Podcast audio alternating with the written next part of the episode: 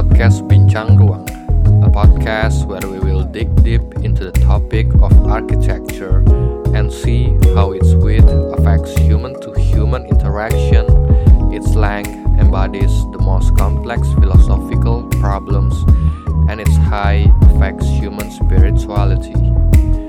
Sit back and listen to how the space around you is built with multidimensional paradigm.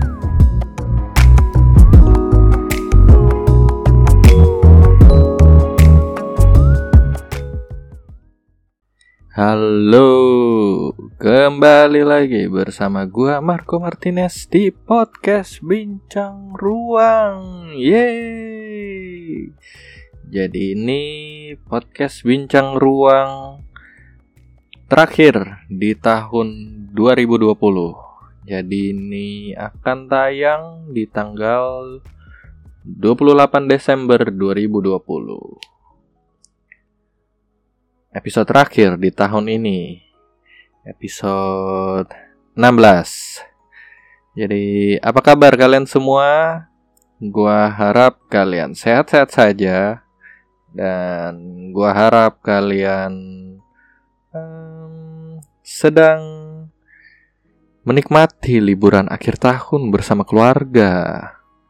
Dan ya, gua harap kalian gak bosen di rumah aja dan mungkin sudah mulai bekerja selama beberapa bulan dan belum lama bekerja akhirnya tidak terasa sudah harus libur lagi dan harus kembali mendekap di rumah. Gua harap kalian belum bosan untuk mendekap di rumah dan gua harap kalian tetap semangat dan tetap memiliki aktivitas yang menarik untuk bisa dihabiskan bersama keluarga di rumah dan tidak ke mana-mana untuk mencegah penyebaran COVID-19.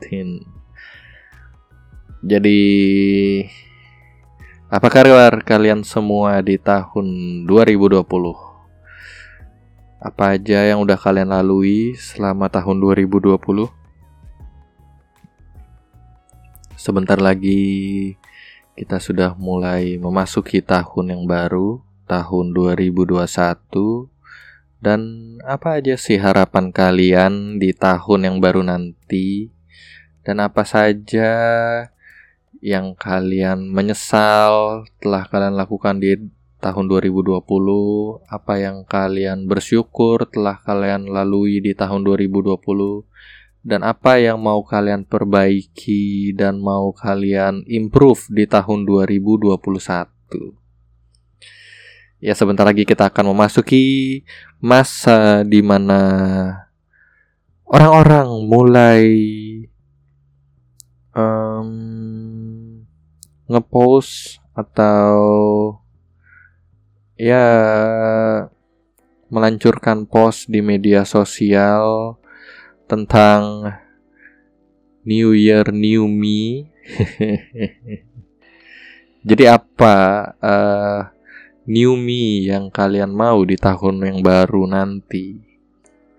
Dan semoga uh, COVID-19 di tahun 2021 mulai berkurang dan vaksin COVID-19 mulai bisa di sebar ke masyarakat dan COVID-19 tidak lagi menjadi sesuatu yang terlalu menyeramkan seperti yang sudah kita lalui di tahun 2020 ini. Um, ya, di mana di tahun 2020 ini mungkin kita lalui dengan penuh rasa takut, dengan penuh histeri, dengan penuh kecemasan, perasaan was-was, uh, terhadap diri sendiri dan terhadap keluarga karena adanya virus baru bernama COVID-19.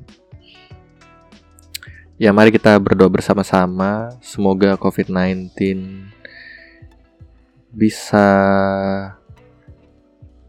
ditanggulangi di tahun 2021.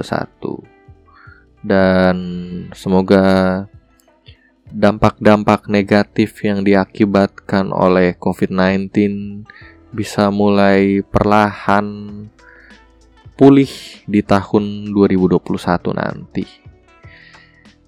Jadi apa saja yang kalian sudah lalui di tahun 2020? Di episode kali ini mungkin gue akan membahas highlight di tahun 2020 yang gue lalui dan mungkin yang dilalui oleh dunia secara umum.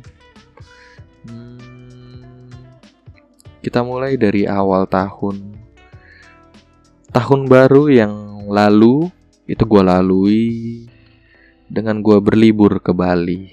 Itulah uh, sebelum COVID-19 menjadi viral, gue sempat menghabis menghabiskan waktu gue di Bali, menghabiskan tahun baru, malam tahun baru di Bali.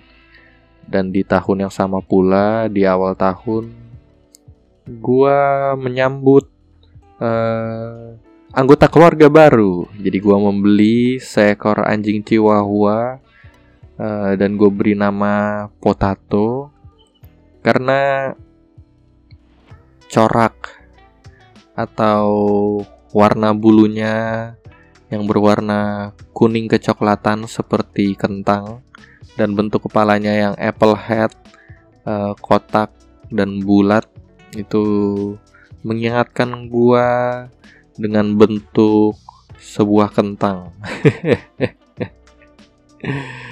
Jadi anggota baru yang gue terima di dalam rumah ini gue beri nama Potato. Seekor anjing Chihuahua yang manis, ramah, dan pemalas, dan rakus. Jadi di awal tahun gue kedatangan seorang anggota keluarga baru. Kemudian di awal tahun yang sama, gue juga sempat datang ke sebuah festival musik.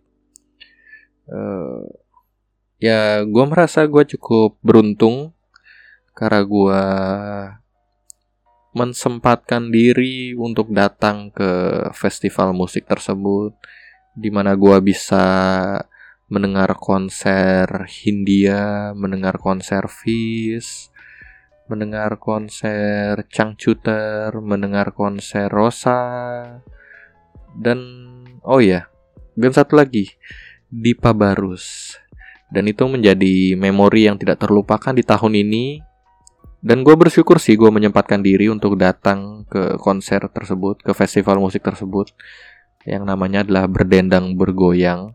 Mungkin kalian di sini pendengar juga ada yang sempat datang ke sana. Dan tanpa kita sadari itu adalah salah satu festival musik terakhir di tahun tersebut gitu.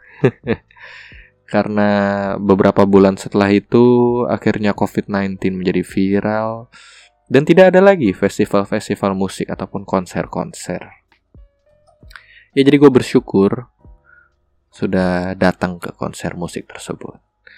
Kemudian uh, ada juga berita duka di awal tahun uh, di mana Kobe Bryant dan seorang putrinya yang mengalami kecelakaan helikopter dan meninggal dunia dan menggembarkan banyak orang.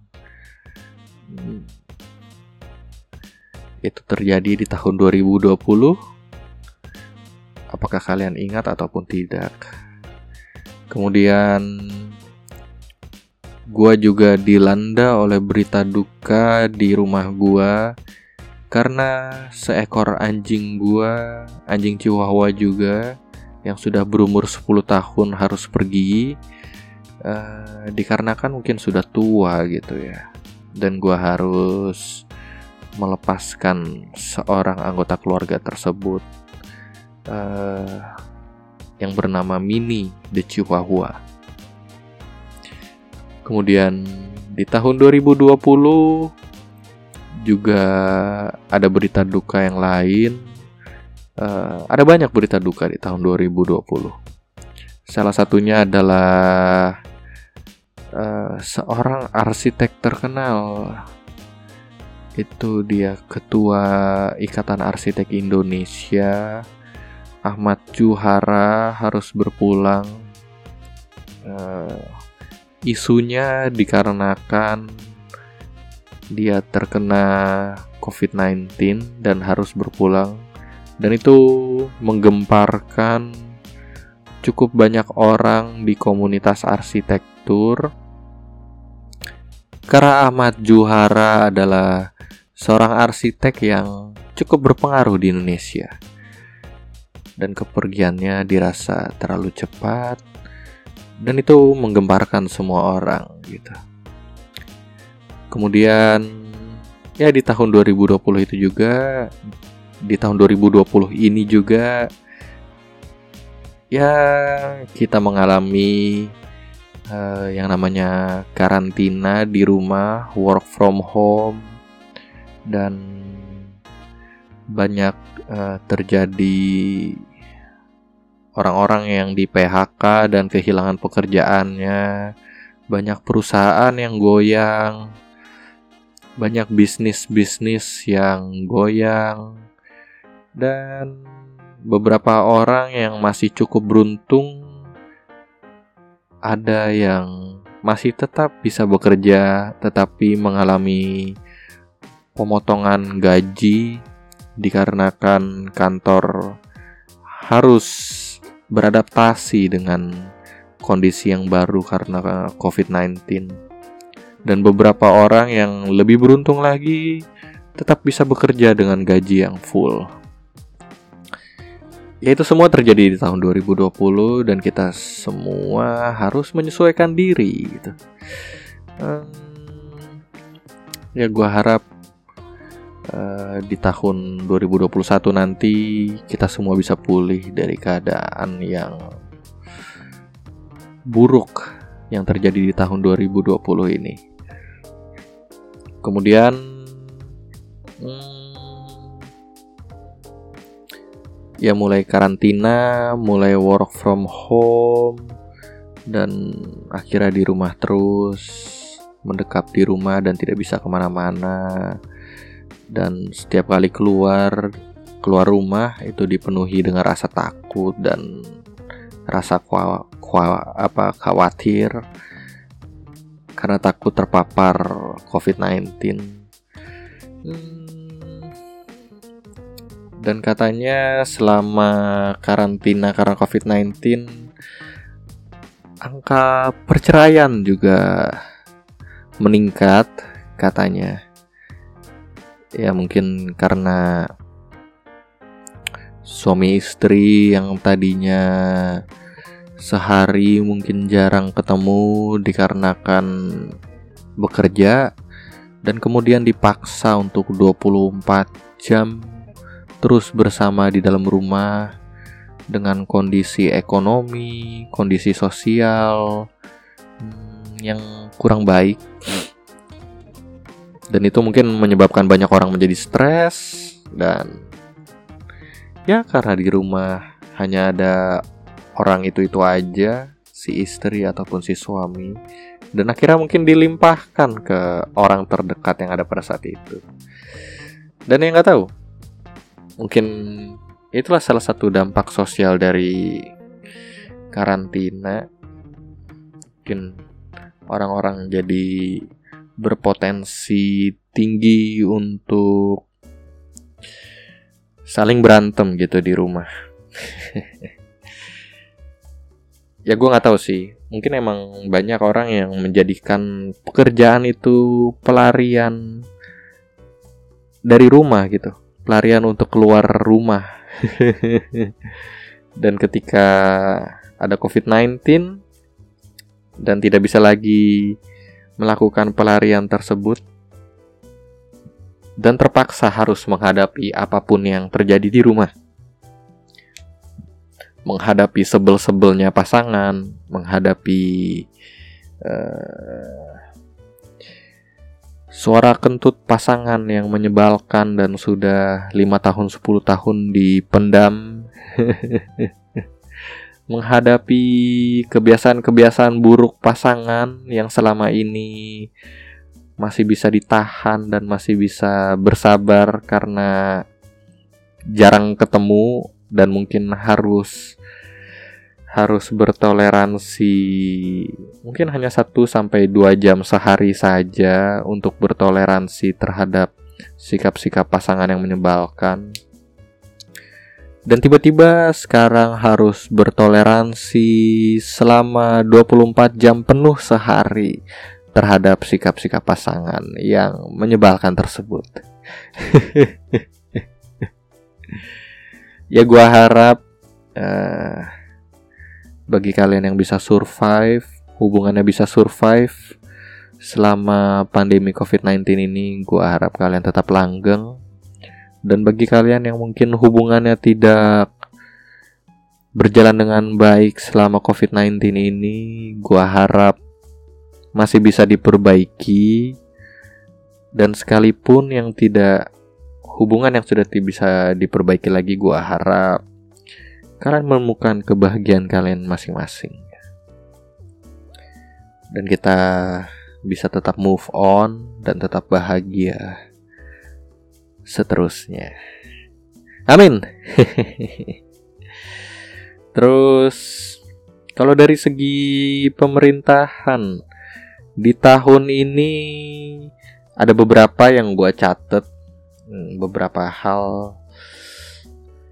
Ada isu-isu pemerintahan mau mengeluarkan peraturan-peraturan baru. Salah satunya adalah Tapera, tabungan perumahan rakyat di mana gaji atau pendapatan para karyawan dipotong lagi sekian persen dan dikumpulkan oleh pemerintah untuk pemerintah bisa membangun lebih banyak perumahan-perumahan untuk memenuhi kebutuhan perumahan di Indonesia yang mungkin sudah berjalan ke kondisi kritis Gua sempat membahas isu ini di episode kalau tidak salah episode 9 atau episode 10 gitu tentang perumahan rakyat millennials. Mungkin kalian bisa coba nonton ulang di situ tentang isu perumahan di Indonesia. Ya, jadi pemerintahan sempat mau mengeluarkan peraturan tersebut dan gue belum follow up lagi apakah jadi apakah tidak. Kemudian ada lagi isu tentang RUU PKS uh, di mana undang-undang itu berusaha untuk memberi perlindungan terhadap korban kekerasan seksual uh, di mana akhirnya RUU itu tidak jadi disahkan dan itu memicu banyak kritik dari beberapa pihak kenapa RUU itu tidak disahkan gitu. Dan ya gue salah satu orang yang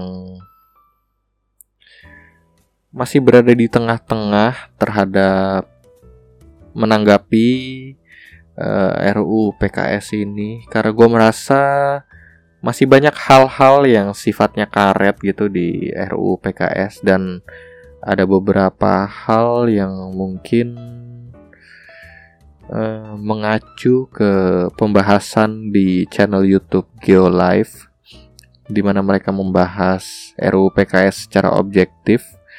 Ada beberapa hal yang mungkin perlu dikritisi juga terhadap RUU ini. Dan ya gue kecewanya dengan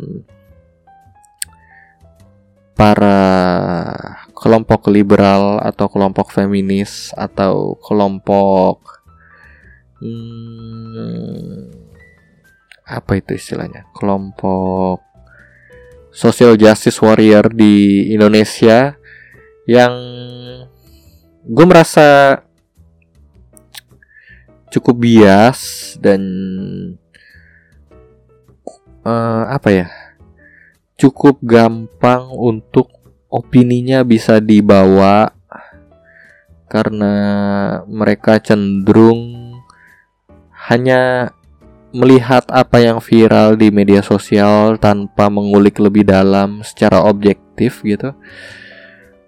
Jadi ada beberapa RUU yang mereka bela mati-matian tanpa tanpa mengulik lebih dalam dan ada beberapa RUU yang dia tolak mati-matian tanpa mengulik lebih dalam juga.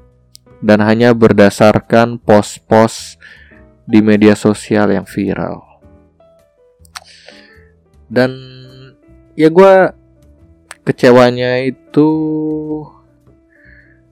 ada bias di mana kalau undang-undang yang tidak sesuai dengan agenda mereka itu mereka kritik habis-habisan tetapi undang-undang yang sesuai dengan agenda mereka itu sebenarnya bukan agenda sih tapi apa ya? Ya gue nggak tahu sih tapi gue merasa seperti itulah ada beberapa undang-undang yang mereka bela tanpa mengulik lebih dalam mereka bela secara membabi buta tanpa tanpa mengedepankan nilai-nilai kritis yang mereka junjung tinggi di undang-undang yang lain yang mereka tolak. Ya, mungkin kira-kira seperti itu ya. Kalau gue bisa menyusun kalimat yang tepat gitu. itu sih yang gue cukup kecewa gitu. Terus kemudian di tahun yang sama ini juga disahkannya omnibus law tentang ketenaga kerjaan tentang apa namanya apa itu istilahnya apa itu namanya lapangan pekerjaan pembukaan lapangan pekerjaan. Ya itu juga disahkan. Dan itulah highlight di tahun ini yang berhubungan tentang undang-undang atau berhubungan tentang politik atau pemerintahan. Kemudian ya sempat ada demo besar juga di Indonesia di tahun 2020 ini sama persis kayak yang terjadi di Amerika juga terjadi demo besar-besaran terlepas dari adanya pandemi COVID-19. Dan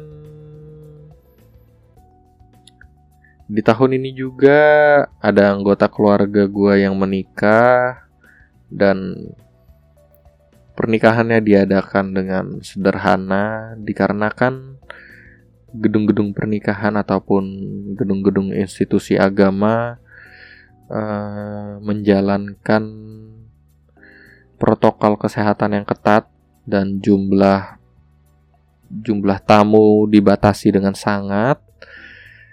Ya dan di tahun ini gue jadi mengalami anggota keluarga yang menikah. Dan gue mengalami pertanyaan-pertanyaan keluarga. Kapan giliran kamu? Kapan giliran kamu? Kapan kamu menikah juga? Kapan kamu nyusul dan gue harus menghindari pertanyaan-pertanyaan itu. Dan pertanyaan-pertanyaan itu tekanannya lebih tinggi dibanding dibandingkan dengan pertemuan-pertemuan keluarga biasanya. Karena pertanyaan-pertanyaan yang sekarang ini muncul di momen keluarga yang sedang menikah. Jadi kondisinya sedang di dalam nikahan dan ditanyakan seperti itu dan gue merasa itu menjadi tekanannya cukup tinggi gitu dibanding pertanyaan-pertanyaan tahunan di per, di pertemuan keluarga tahunan. Gue bingung sih kenapa orang harus menuntut orang lain untuk kapan menikah dan kapan menikah. Uh, ya gue nggak tahu. mungkin itu cara mereka juga untuk mengisi kecanggungan ketika bertemu dengan anggota keluarga besar yang sudah jarang ketemu. Dan ya apalagi yang harus ditanyakan selain menanyakan kapan menikah? Atau kapan punya pacar? Atau kapan punya anak? Dan itulah yang menjadi pertanyaan-pertanyaan setiap bertemu dengan keluarga besar yang jarang ketemu. Kalian gimana menanggapi pertanyaan-pertanyaan seperti itu? Gimana cara menghindari pertanyaan-pertanyaan seperti itu dari anggota keluarga tanpa harus menyakiti perasaan mereka?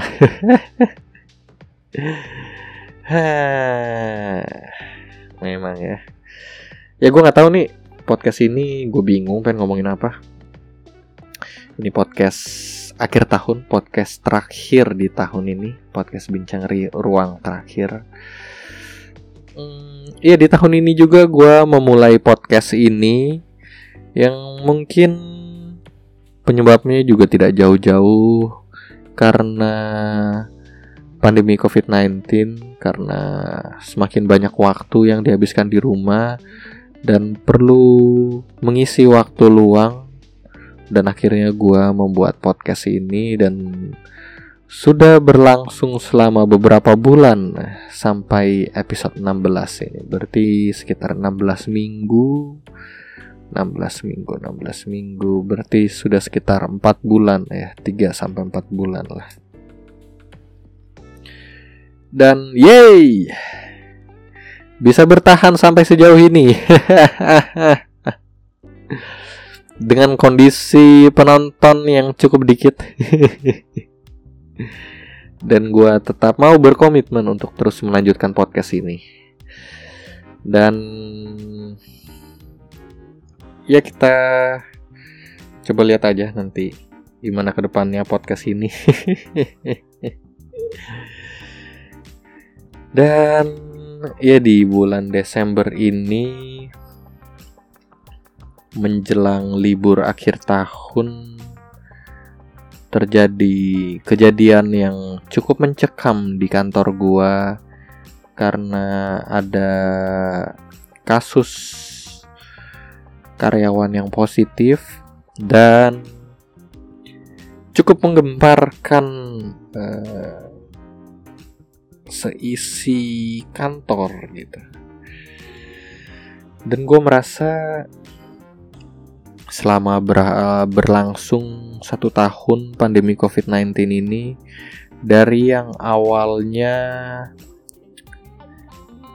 gua hanya mendengar temennya temen punya abang abangnya punya istri istrinya punya sepupu sepupunya itulah yang kena COVID-19 jadi itu ada sekitar beberapa layer di luar gua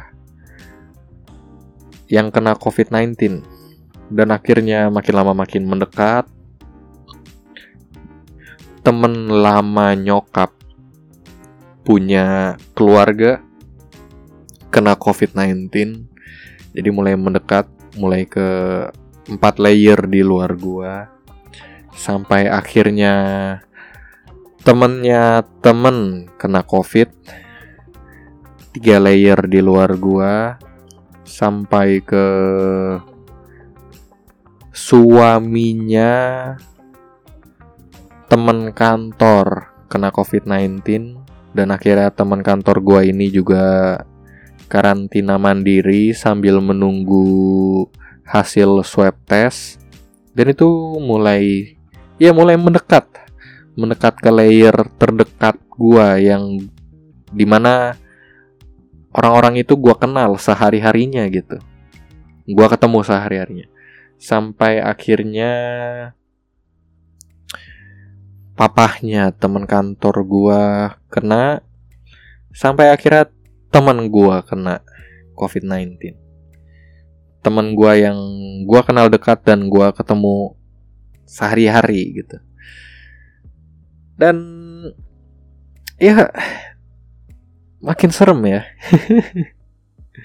COVID-19 yang tadinya terlihat jauh di sana dan mulai mendekat dan mulai membuat cukup khawatir. Kalau gue pribadi sih, gue jujur gue nggak terlalu takut kena COVID-19. Gue nggak terlalu takut karena kalau li kita lihat dari angkanya itu juga angka kematiannya dan angka orang yang kritis terkenanya sampai kondisi kritis itu angkanya cukup rendah. Kalau gua kena 100 kali, gua kena 100 kali COVID-19, mungkin hanya lima kali gua meninggal gitu. Jadi kan itu presentasi yang sangat kecil. Kalau gua tiap tahun kena COVID-19 berarti 100 kalau sera, tiap tahun gua kena COVID-19 sampai umur gua 100 tahun berarti gua meninggal 5 kali. Berarti 100 dibagi 5 ya. Berarti kalau tiap tahun gua kena COVID-19 itu di tahun ke-20 gue baru meninggal. Hmm. Eh bener nggak perhitungan gue? Karena 5% 100 100 Oh 100 Kalau 100 tahun 5 kali meninggal Berarti Kalau satu kali meninggalnya itu di tahun keberapa ya? 100 dibagi 5 Iya bener. Di tahun ke-20 ya berarti ya. Di tahun ke-20 gua meninggal. Kalau selama 20 tahun itu di tiap tahunnya gua kena COVID-19 Ya jadi begitu kan? Kalau kita main angka, kita main persentase. Jadi kalau 20 tahun ya umur gua udah sekitar 50 ya. Ya. Makanya gua nggak takut sih. Tapi yang gua takutkan adalah gua menularkan ke orang lain. Itu sih yang gua lebih takut. Menularkan ke orang tua yang mungkin umurnya sudah lebih tua dari gua. Itu sih yang gua takut. Dan kalau untuk gua pribadi, gua nggak begitu takut sih dan ya di men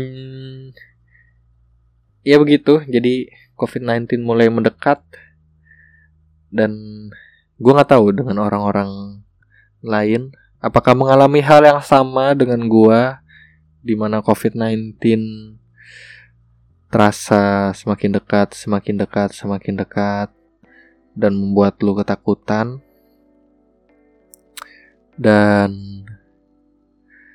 ya di akhir tahun ini menjelang libur akhir tahun beberapa perusahaan ada yang sudah meliburkan karyawannya dari tanggal 24 Desember bablas sampai Januari 2021. Ada juga yang masih memaksakan untuk masuk di tanggal 28 29 30 dan hanya meliburkan karyawan di tanggal-tanggal merah saja. Tapi menjelang akhir tahun ini tempat-tempat tes swab antigen atau rapid antigen atau swab tes PCR itu semakin ramai dan itu menandakan orang-orang banyak yang berpergian di akhir tahun ini.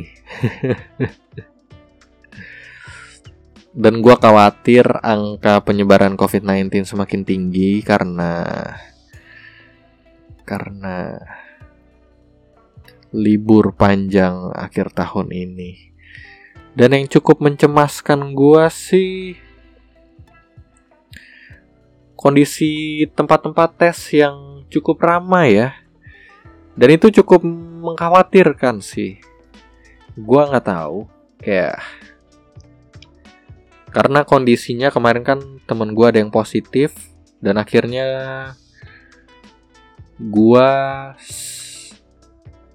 menyempatkan diri untuk tes COVID-19 juga untuk mengetahui apakah gue negatif atau positif dan berikan kondisinya gue adalah orang yang memerlukan untuk tes COVID-19 gitu. Memerlukan karena memang ada kenalan gua yang positif gitu. Jadi darurat untuk tahu gitu. Dan ada juga orang-orang banyak yang tidak darurat gitu. Mereka mau tes ya hanya karena itu menjadi syarat kalau mereka mau bepergian gitu. Mau keluar kota, mau naik pesawat dan lain-lain, mau pulang kampung.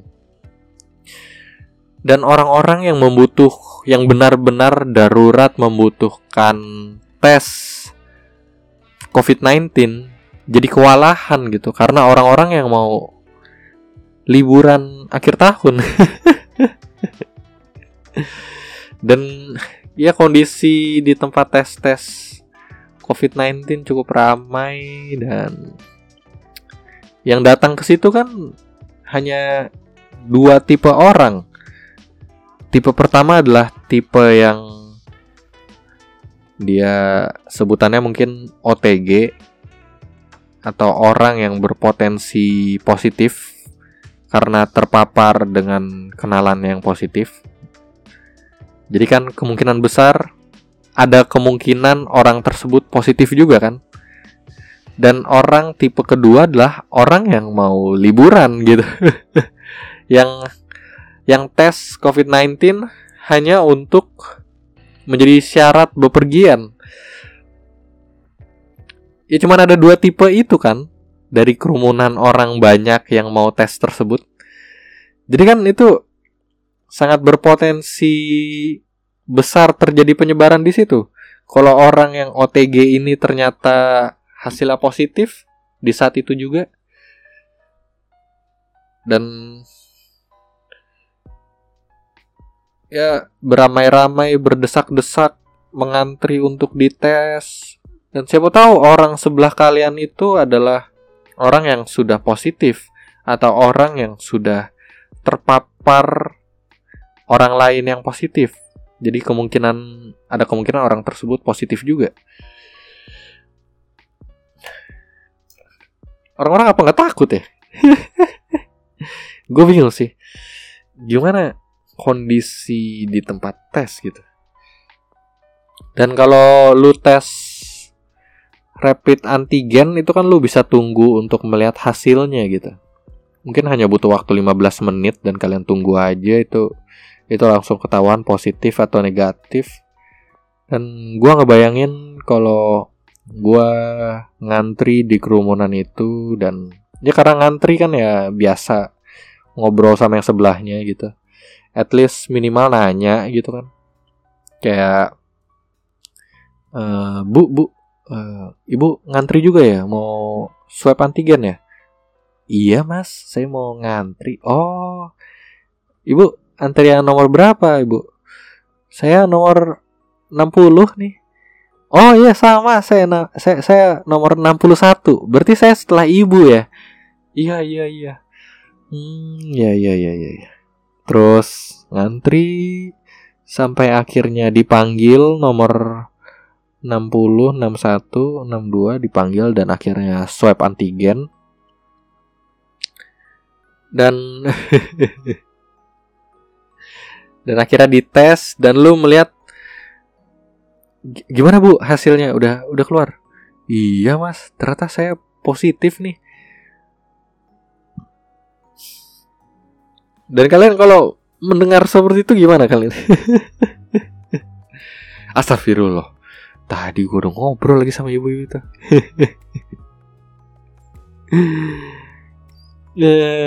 Dan jadi lu dan ketika lu di swab antigen dan lu hasilnya negatif, lu menjadi kurang percaya dengan hasil tesnya tersebut kan? Karena di hari yang sama itu lu juga udah terpapar dengan si ibu-ibu ini yang positif yang ada di sebelah lu ngantri di sebelah lu.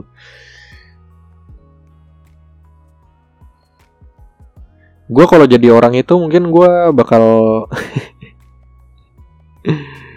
gimana bu hasilnya iya mas. Saya positif nih. Nah pak pak pak pak pak bu bu petugas petugas. Ini nih nih. Ibu ini nih positif nih. Ibu ini positif. Minggir minggir ya. Bu bu pak. Minggir. Petugas petugas. Ini tolong tolong ini ibu ini positif. Tolong diamankan ya. Tolong tolong ini diamankan nih. Ibu ini positif nih. Tolong Bu, tolong, Mbak, Pak, Pak, tolong menjauh ya, menjauh ya, menjauh ya. Petugas, petugas, tolong. Nih, nih aman ini. Tolong nih dibawa langsung ya. Nih, nih positif.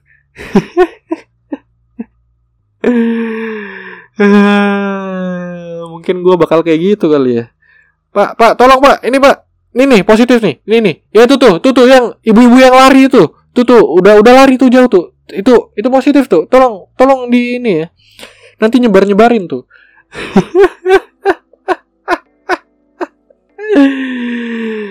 gue nggak kebayang gitu kondisinya gimana sih? Orang-orang tuh pada ngantri rame gitu buat tes dan hanya untuk mau liburan doang.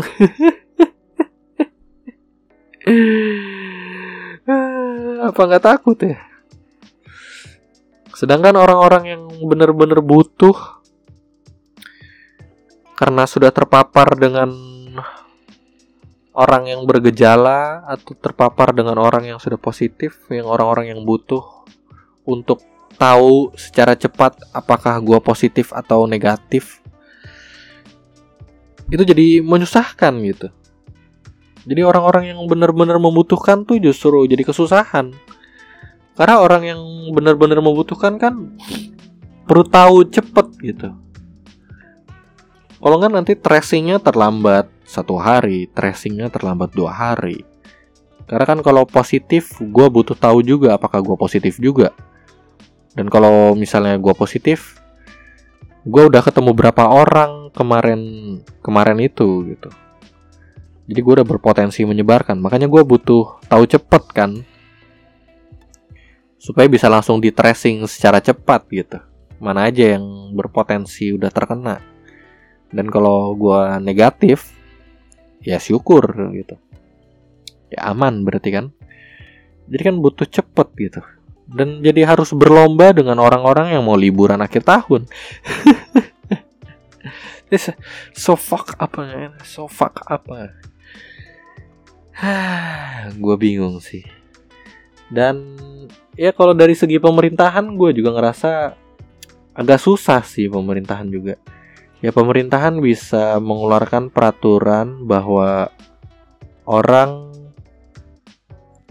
harus tes terlebih dahulu sebelum mau bepergian itu kan ya itu pencegahan kan supaya penyebaran nggak bertambah tapi di lapangan siapa yang bisa ngecekin satu-satu gitu siapa yang bisa menegakkan peraturan itu karena gue yakin jumlah petugasnya itu tidak mencukupi. Karena satu petugas itu hanya bisa mengawasi tujuh orang. Itu ada teorinya gitu. Jadi satu petugas itu hanya bisa mengawasi tujuh orang paling banyak. Jadi kalau petugas satu petugas harus mengawasi 20 atau satu petugas harus mengawasi 30 orang. Ya itu udah pasti banyak yang kelewat. Gitu. Kalau pakai teori tersebut, ya berarti kalau satu petugas harus mengawasi 30 orang, sedangkan kemampuannya hanya mengawasi 7. Ya oke okay lah, kita ngepush petugas untuk mengawasi lebih banyak. Mengawasi dua kali lebih banyak. Berarti kan itu hanya bisa mengawasi 14 orang. Berarti kalau 30 orang, berarti ada 16 orang yang lewat dari pengawasan. Dan 14 orang yang diawasi ini pun juga diawasinya dengan kondisi yang kondisi perhatian yang 50% kan. Karena dia mengawasi dua kali lebih banyak. Jadi dia bisa 100% fokus. Fokusnya terbagi dua kali lipat gitu. Ya susah juga sih. Kita mau gimana juga susah, hanya bisa hanya bisa komplain, hanya bisa mengeluh, tapi juga tidak ada solusi yang benar-benar ideal gitu. Dan itu gue juga ya gue paham sih. Dan ya makanya pemerintah juga tidak gampang gitu. Ya, tapi gue harap sih COVID-19 cepat berlalu dan cepat ada vaksin. Kalaupun tidak ada vaksin juga herd immunity juga cepat tercapai. Semakin banyak orang yang terkena, semakin baik. Karena makan maka semakin banyak uh, maksudnya semakin cepat herd immunity tercapai. Dan Hah, gue nggak tahu sih. Dan mulai ada berita-berita bahwa ada varian baru dari COVID-19. Dan mungkin perlu di studi ulang apakah vaksin yang sekarang sudah beredar ini efektif terhadap varian baru COVID-19 ini gitu. Gue cukup pesimis sih vaksin ini bisa bisa berfungsi dengan baik. Karena kan COVID-19 ini adalah tipe virus yang basisnya RNA. Dan dari studi gua, studi amatir gua lewat internet, semua virus yang basisnya RNA itu kemungkinan berevolusinya tuh cukup tinggi. Makanya dia akan terus berevolusi, terus mengeluarkan variasi baru. Makanya butuh vaksin yang terus diupdate untuk melawan varian-varian baru dari virus tersebut. Berbeda halnya dengan virus yang basisnya DNA. Kalau virus yang basisnya DNA, kemungkinan untuk berevolusinya tuh lebih rendah gitu. Jadi cukup satu vaksin untuk selamanya. Tapi COVID-19 ini virus yang basisnya RNA, di mana ya pasti evolusinya cukup cepat. Dan ini terbukti kan. Belum satu tahun, evolusinya udah ada dan udah ada variasi baru.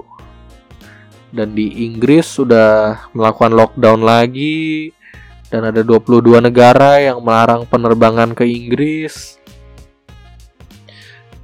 Dan hari ini gue baru membaca berita bahwa variasi baru dari COVID-19 ini sudah sampai ke negeri jiran, udah sampai ke Malaysia, udah sampai ke negara-negara Eropa yang lain. Ya udah sampai ke Malaysia berarti udah sampai ke Asia kan. Dan gue belum menemukan pembahasan atau studi yang menunjukkan bahwa vaksin yang sekarang sudah beredar ini ampuh juga terhadap variasi baru COVID-19 yang baru ditemukan seminggu dua minggu belakangan ini. Kayak vaksin influenza aja itu tiap tahun, tiap tahun harus divaksin. Karena virusnya yang berevolusi cukup cepat dan tiap tahun udah berbeda virus lagi makanya vaksinnya tiap tahun. Itu influenza. Influenza ya sama. Itu termasuk dalam keluarga coronavirus juga. Dan itu ya sama juga. Basisnya adalah RNA dan mengambil contoh kasus dari influenza yang vaksinnya tiap tahun Makanya gue cukup optimis COVID-19 ini bisa jadi nanti juga vaksinnya harus tiap tahun gitu. Dan gue nggak tahu vaksin yang sekarang sudah beredar ini apakah efektif terhadap virus variasi barunya ini. Dan ya pasti dua bulan, tiga bulan, empat bulan ke depan itu akan ramai dengan klaim klaim-klaim yang menyatakan bahwa vaksin ini ampuh menghadapi variasi COVID-19 baru, menghadapi variasi yang baru, menghadapi mutasi yang baru. Vaksin ini ampuh, jadi jangan takut. Lu vaksin aja, karena ini ampuh menghadapi variasi yang baru ini. Ya pasti akan ada klaim-klaim seperti itu. Dan ya itu karena sudah terlanjur beli jutaan vaksin dan vaksin yang sudah dibeli jutaan ini ya harus harus diserap kan, harus dipakai oleh orang, harus dijual oleh orang. Makanya pasti akan muncul klaim-klaim seperti itu. Barulah nanti setelah enam bulan atau setelah satu tahun, baru nanti klaimnya akan berbeda. Klaimnya akan, oh ya ternyata vaksin yang ini tidak ampuh melawan melawan jenis virus COVID-19 yang baru gitu. Dan klaim tersebut akan muncul ketika vaksin yang sudah terlanjur dibeli sudah habis terpakai oleh orang. Barulah akan muncul klaim seperti itu. Gimana? Kalian percaya nggak? Ini gue omongin di akhir tahun Desember nih. Nanti kita lihat aja satu tahun ke depan. Di Desember 2021. Makanya gue cukup pesimis sih. Dan ya gue yakin ya nanti kita akan terpaksa untuk hidup bersama dengan COVID-19 dan akhirnya ya jadi udah biasa aja. Begitu. Hah. Jadi gimana lu semua? Ya gue harap baik-baik aja. Ini udah hmm, sudah 50 menit. Kita sudahi dulu episode kali ini. Thank you buat kalian yang sudah mendengarkan sampai habis. Dan kita bertemu lagi di tahun yang baru, tahun 2021. Thank you bagi kalian yang sudah mendengarkan secara penuh seluruh episode podcast Bincang Ruang di tahun 2020. Kita ketemu lagi di tahun depan. Gua Marco Martinez undur pamit. Bye bye.